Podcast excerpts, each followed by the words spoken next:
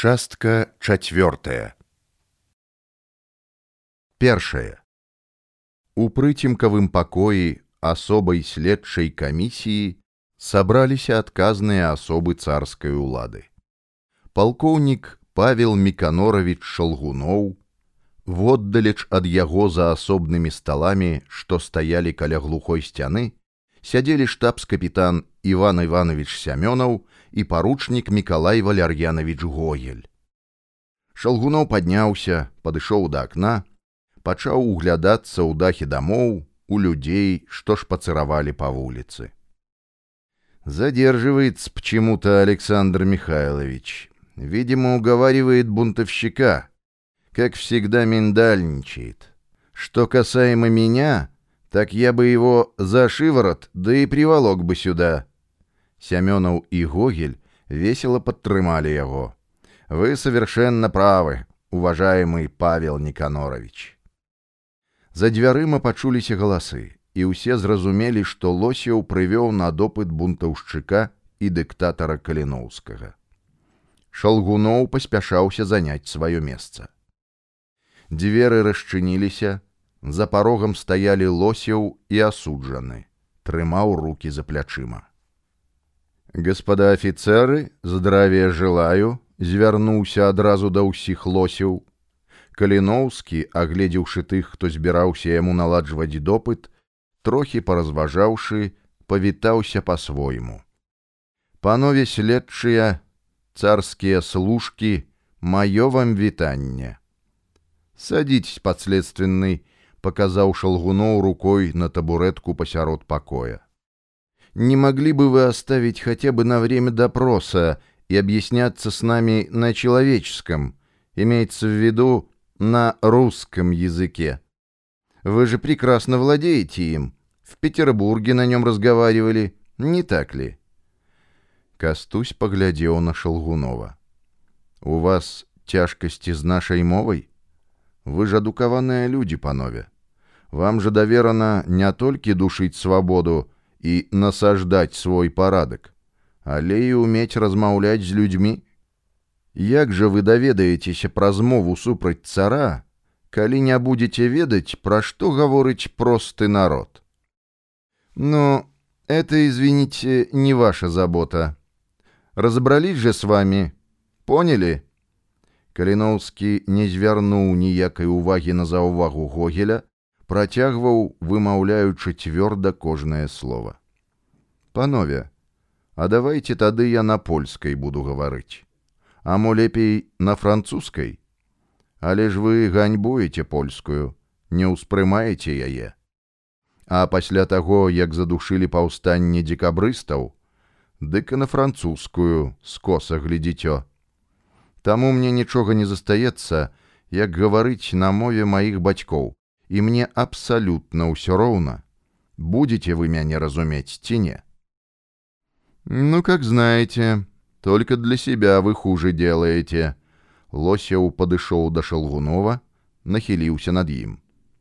Павел Никанорович, как председатель особой следственной комиссии, подпишитесь, пожалуйста, что я вам доставил диктатора. Як толькі Лосеў зачыніў за сабою дзверы, Шалгуноў яшчэ больш стражэў, заговорил официально. Господа, каково ваше мнение по поводу заявления последственного относительно рабочего языка? Что скажете вы, уважаемый Иван Иванович? Дерзкое и непозволительное заявление.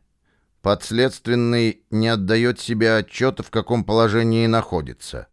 Не он должен диктовать нам свою волю, а мы ему.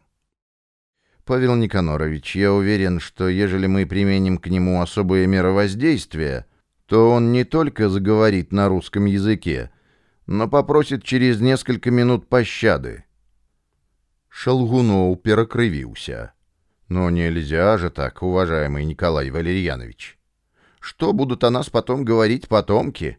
Что мы костоломы? Выбиваем показания силой и пытками? «Ну, — развел руками Гогель, — тогда и вы миндальничайте с ним. Я злой, а вы добрый. Ну ладно, ладно. А что скажет сам подследственный? Как нам избежать специальных допросов? Что вы предложите? Что? Мне вядома, што паручнік Гогель выдатна валодае мовай маіх продкаў. Больш таго, ён выдатна перакладае з рускай на беларускую і наадварот. Ды нават умее гэта падаваць у стэнаграме. Для яго гэта будзе практыка. Упэўнены, што стэнаграмы пратаколы допытаў ён перадасць дакладна і не перадузята. Шалгуноў павярнуўся да Сямёнова, упёрыўся ў яго вачыма. Как вы к этому относитесь, Иван Иванович? Э, думаю, есть выход из создавшегося положения. Мы с поручиком можем составить официальный протокол допроса, стенограмма на двух языках. Основной составим, конечно же, на русском. Его-то подследственный и подпишет. Так будет правильно, подследственный, звярнуўся ён ужо непасрэдна да каліноўскага. Але толькі пасля таго, як я прачытаю, выпраўлю недакладнасці, дапоўню тое, што вы пастараецеся прапусціць. Шалгуноў зноў абвёў усіх позіркам. «Э, все согласны с такой постановкой вопроса? Усе амаль у один голос отказали. Согласны. Тогда начинаем допрос. К подследственному вопрос первый ваша фамилия, имя и отчество. Мое имя Игнатий Витаженец. Жыву ў кватэры нумар 16 чыноўніка жаброўскага у гімназіяльным доме пры замкавай вуліцы у святаянскіх мурах. Жыву там па білеце гарадзенскага паліцэйскага ўпраўлення ад 15 кастрычніка гэтага года. Палкоўнік Шалгуноў разгорнул дело особой следственной комиссии о политическом преступнике Викентии Константине Калиновском. Так и запишем для начала. Преступник называет себя витаженцем. Вы настаиваете на этом? Так, я витаженец.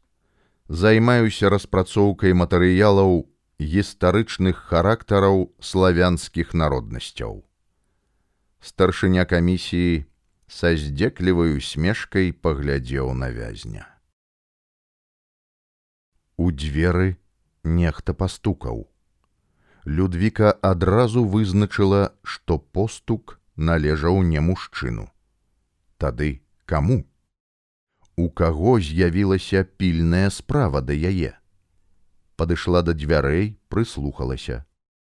Адчыніце, цётачка Людвіка, гэта я караліна божачка ты мой маўкліва ўсклікнула радзевіч что за новае няшчасце караліна хутка зайшла ў прачыненыя дзверы абняліся прытуліліся адна да адной развітацца я прыйшла мо ўжо ніколі і не ўбачымся чаму ж так сумна каралінка Не трэба так казаць, золатка маё. Дзяўчына заплакала, зноў прытулілася да пляча жанчыны. Прыйду дадому, а там мяне жандары чакаюць. Я ведаю пра тое, але нікуды і ўцячы не магу, бо ўсё роўна зловяць. Яны будуць пытацца ў мяне пра дыктатара, а я ім нічога не скажу. Ведаю, караліна, ведаю, што не скажаш ты мужная дзяўчына прызнацца хачу вам цётачка караліна кахаю я вельмі яго але я нават не маю права імя яго прамаўляць ведаю што яго сэрца належыць другой але нічога з сабой парабіць не магу ведаю што мяне чакае сібір ведаю што выйду я замуж за паляка саковіча што нараджу яму дачку алёну але перад маімі вачыма заўсёды будзе стаяць ён. Даруйце мне цётачка за мае прызнанні. Мне цяжка трымаць іх у душы. Дякую за давер, дзяўчынка моя. Мо у мяне пераначуеш кароля. Дзяўчына адмоўна пакруціла галавой. Ой не, нельга мне падвяргаць вас і вашую сям'ю рызыцы. Можа, яны сочаць за мной і ведаюць, да каго я пайшла. Так што я і так затрымалася, тётачка Людвіка, бывайце, я пабягу. Людвіка абняла яе за плечы, паглядзела ў мокрыя вочы, адчула, што і яна вось-вось заплача, прашаптала: « Няхай беражэ цябе Езус Хрыстус. Во што яшчэ цётачка. Мусіць, я вінавата ў адным недаглядзе. Прызнацца хачу. Ён даверыў мне зберагчы дакументы арганізацыі. Перад самым прыходам жандараў я зайшла ў кватэру, дзе кватараваў вітажэнец кінулася да тайніка, а там пуста. Няўжо шпікі апярэдзілі мяне і іх знайшлі. Дараваць сабе таго не магу. Я ж не выканала галоўную просьбу і заданне. Адразу супакоіць цябе хачу, каралінка. Твае хваляванні дарэмныя. Чаму дарэмныя, не разумела яцына. Таму што тыя дакументы, пра якія ты гаворыш, не папалі ў руки жандараў. Калі той раніцай пастукалі да мяне ў дзверы і сказалі, што зграя жандараў уварвалася ў бацькоўскі дом, я кінулася адразу туды. Вобыск рабілі пільны. Перавярнулі ўсё ў хаце. Арыштавалі ўсіх, хто ў ёй быў. брата Юзафа. Забралі бацьку і маці, якія мелі сталы ўзрост, якіх паважалі ў горадзе. Тры сястры забралі Марыю, алену і схаластыку, малалетку. Нават служанку карусю не прамінулі і яе зрабілі вінаватай. Тады же арыштавалі яго, кастуся.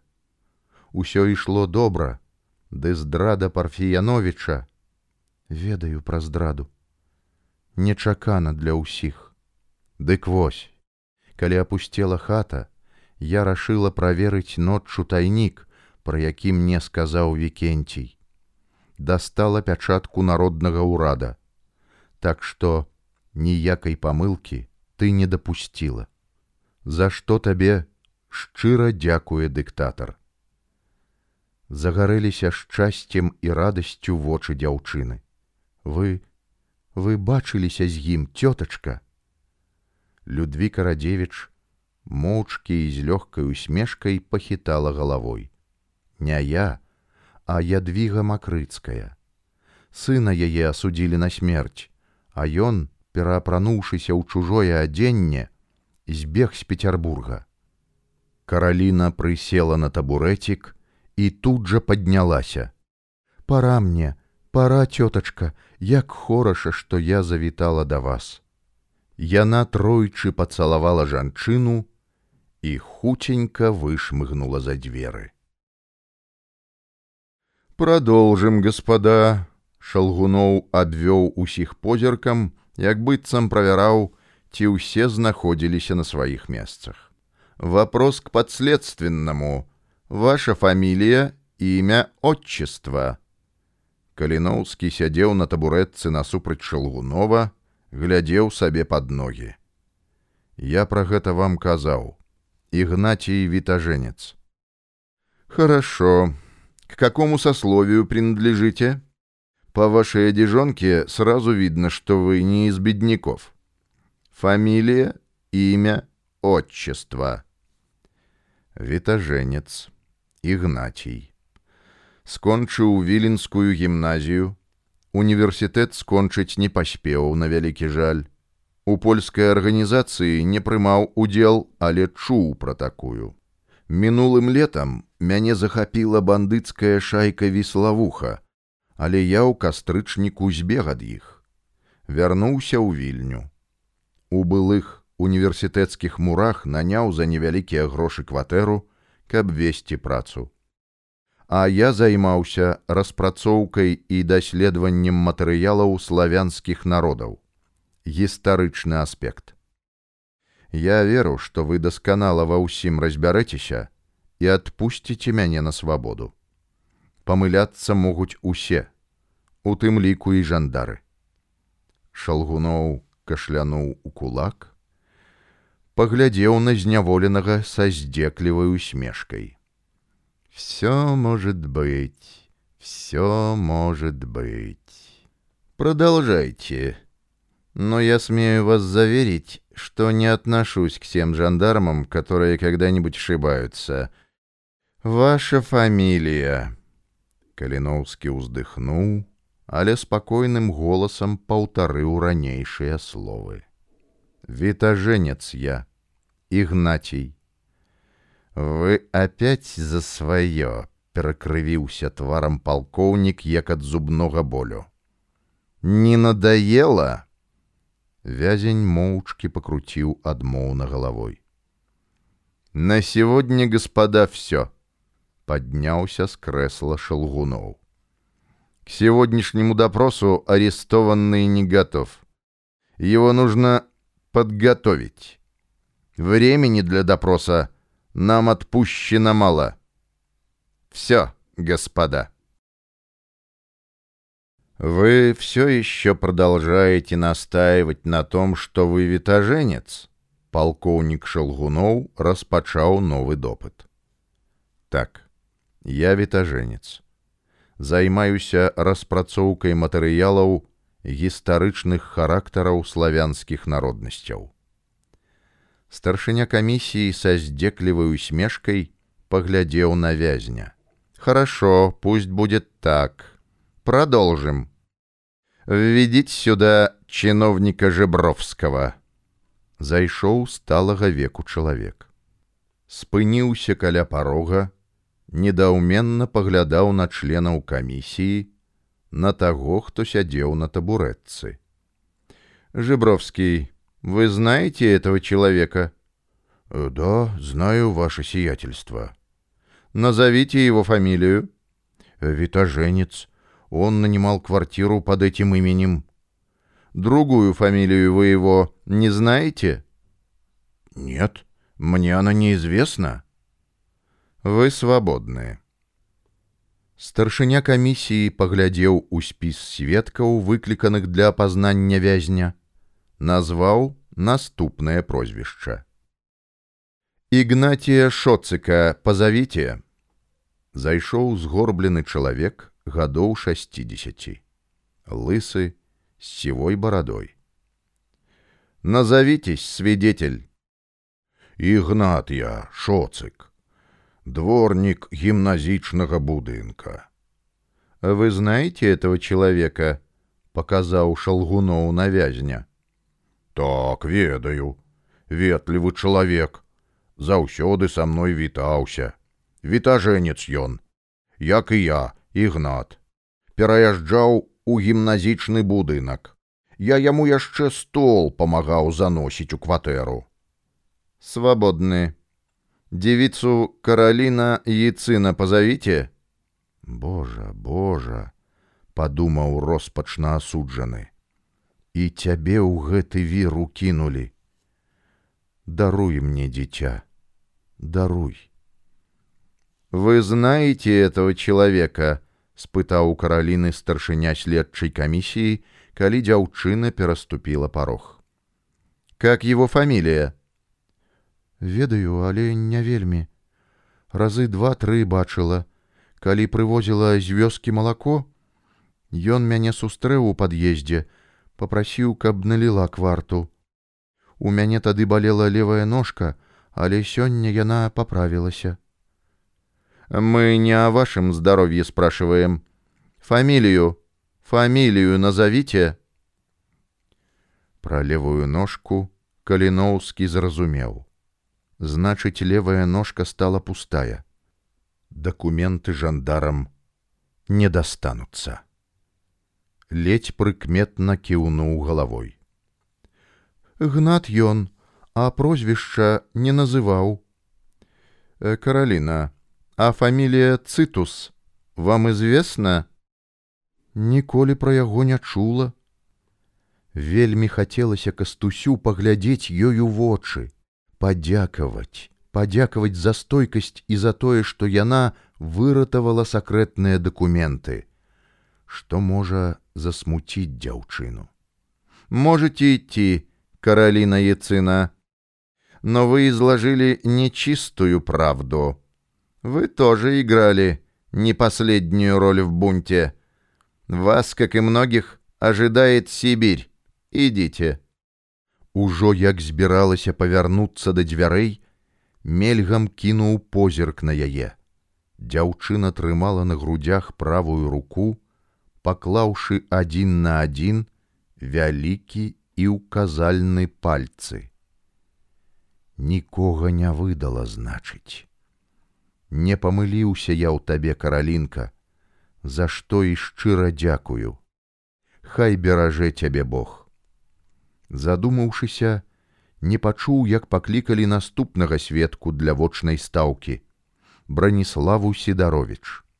Яны разам наймалі кватэры ў грагатовічаў яшчэ пад канец 1862 года. Спакойная і разважлівая, гожага твару, яна заўсёды падабалася каліноўскаму. І гаварыць з ёю было цікава і спрачацца. «Известен ли вам человек, который сидит напротив нас на табуретке?» Браніслава прыгледзелася да вязня, і ён зірнуў на яе тым жа спакойным паглядам, што і заўсёды. Ніхто са следчых не заўважыў нават і намёк на тое, што яны маглі ведаць адно аднаго, некалі сустракацца. Вы мне даруйце, але гэтага чалавека я ніколі не бачыла. Не ведаю яго ні імя, ні прозвішча. А вы лучше присмотритесь, лучше. Шалгуноў нервовался, покусывал таусматую губу. За сокрытие фактов и обман вас ожидает строгое наказание. Ніколі і ў вочы не бачыла, не ведаю я яго. І з годнасцю паглядзела на шалгунова. Ён махнуў незадаволена рукой, каб выйшла спакоя. «Позовите сюда Марию Григотович». У пакой зайшла невысокага росту жанчына ў доўгім да падлогі паліце. На яе твары пакора і шкадаванне адначасова. Глядела толькі сабе под ноги. «Доложите следственной комиссии, свидетель Григотович, знаете ли вы этого человека? Мать ваша на очной ставке утверждала, что преступника, который перед вами, она не знает. Что вы скажете по этому поводу? Жанчына перавяла позірк спачатку на палкоўніка, а потым на вязня. Так, гэта Вікенцій Канстанцін Каліноўскі. Я не раз сустракалася з ім. Ён нейкі час пражываў у нас на кватэры.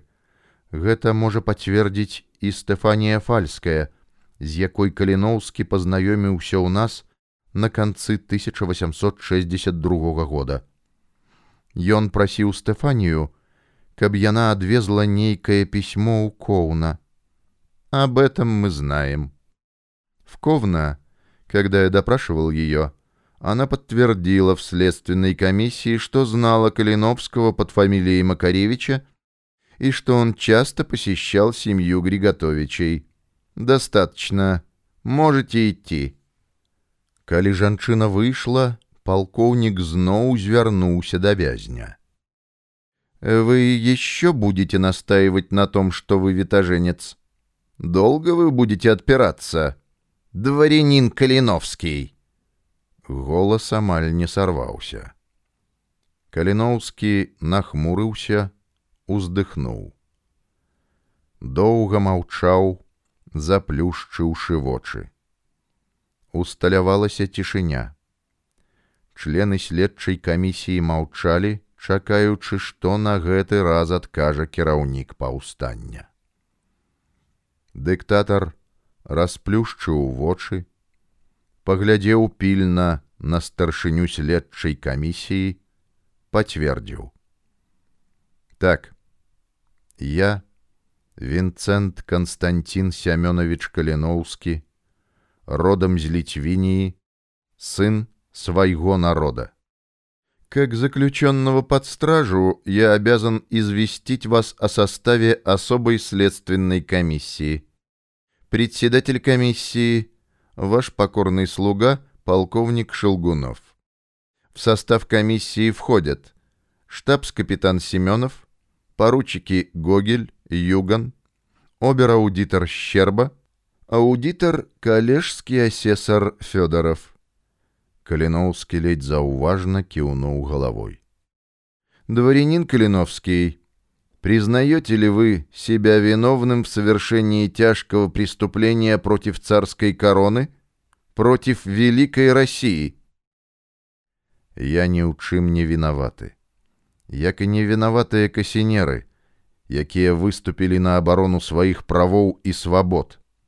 Як не вінаватыя і тыя, хто хацеў «Довольно!» Позерк налился гневом. «Довольно!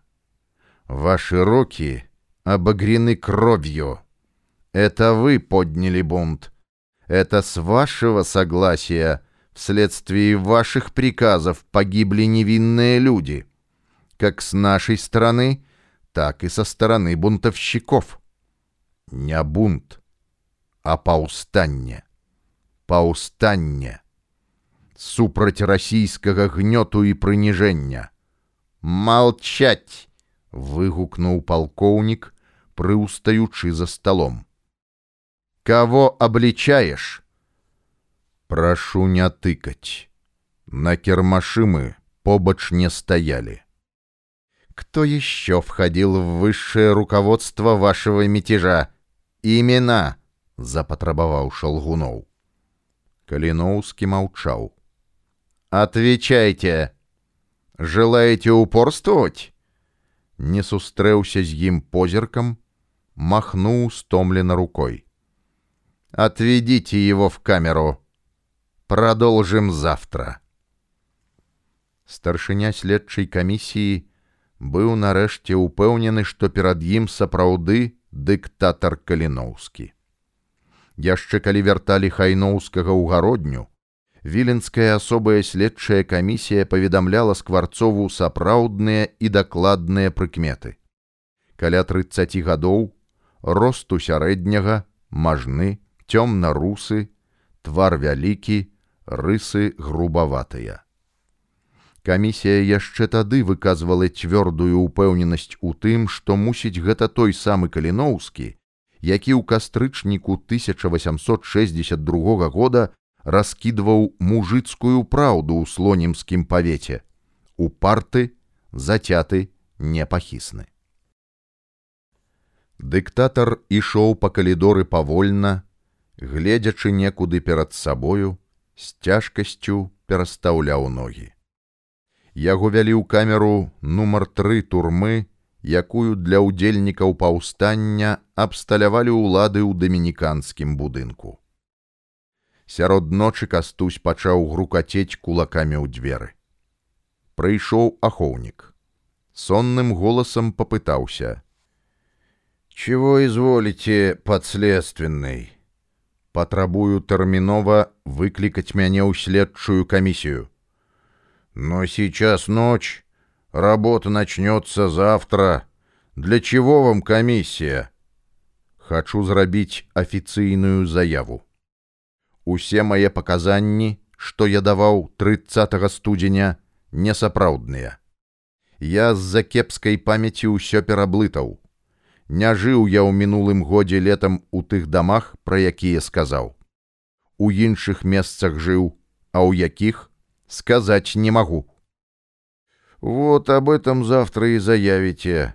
А сейчас не мешайте мне нести службу. Калиновский адышоў ад дзвярэй, сеў на ложак, абхапіў далоньмі галаву.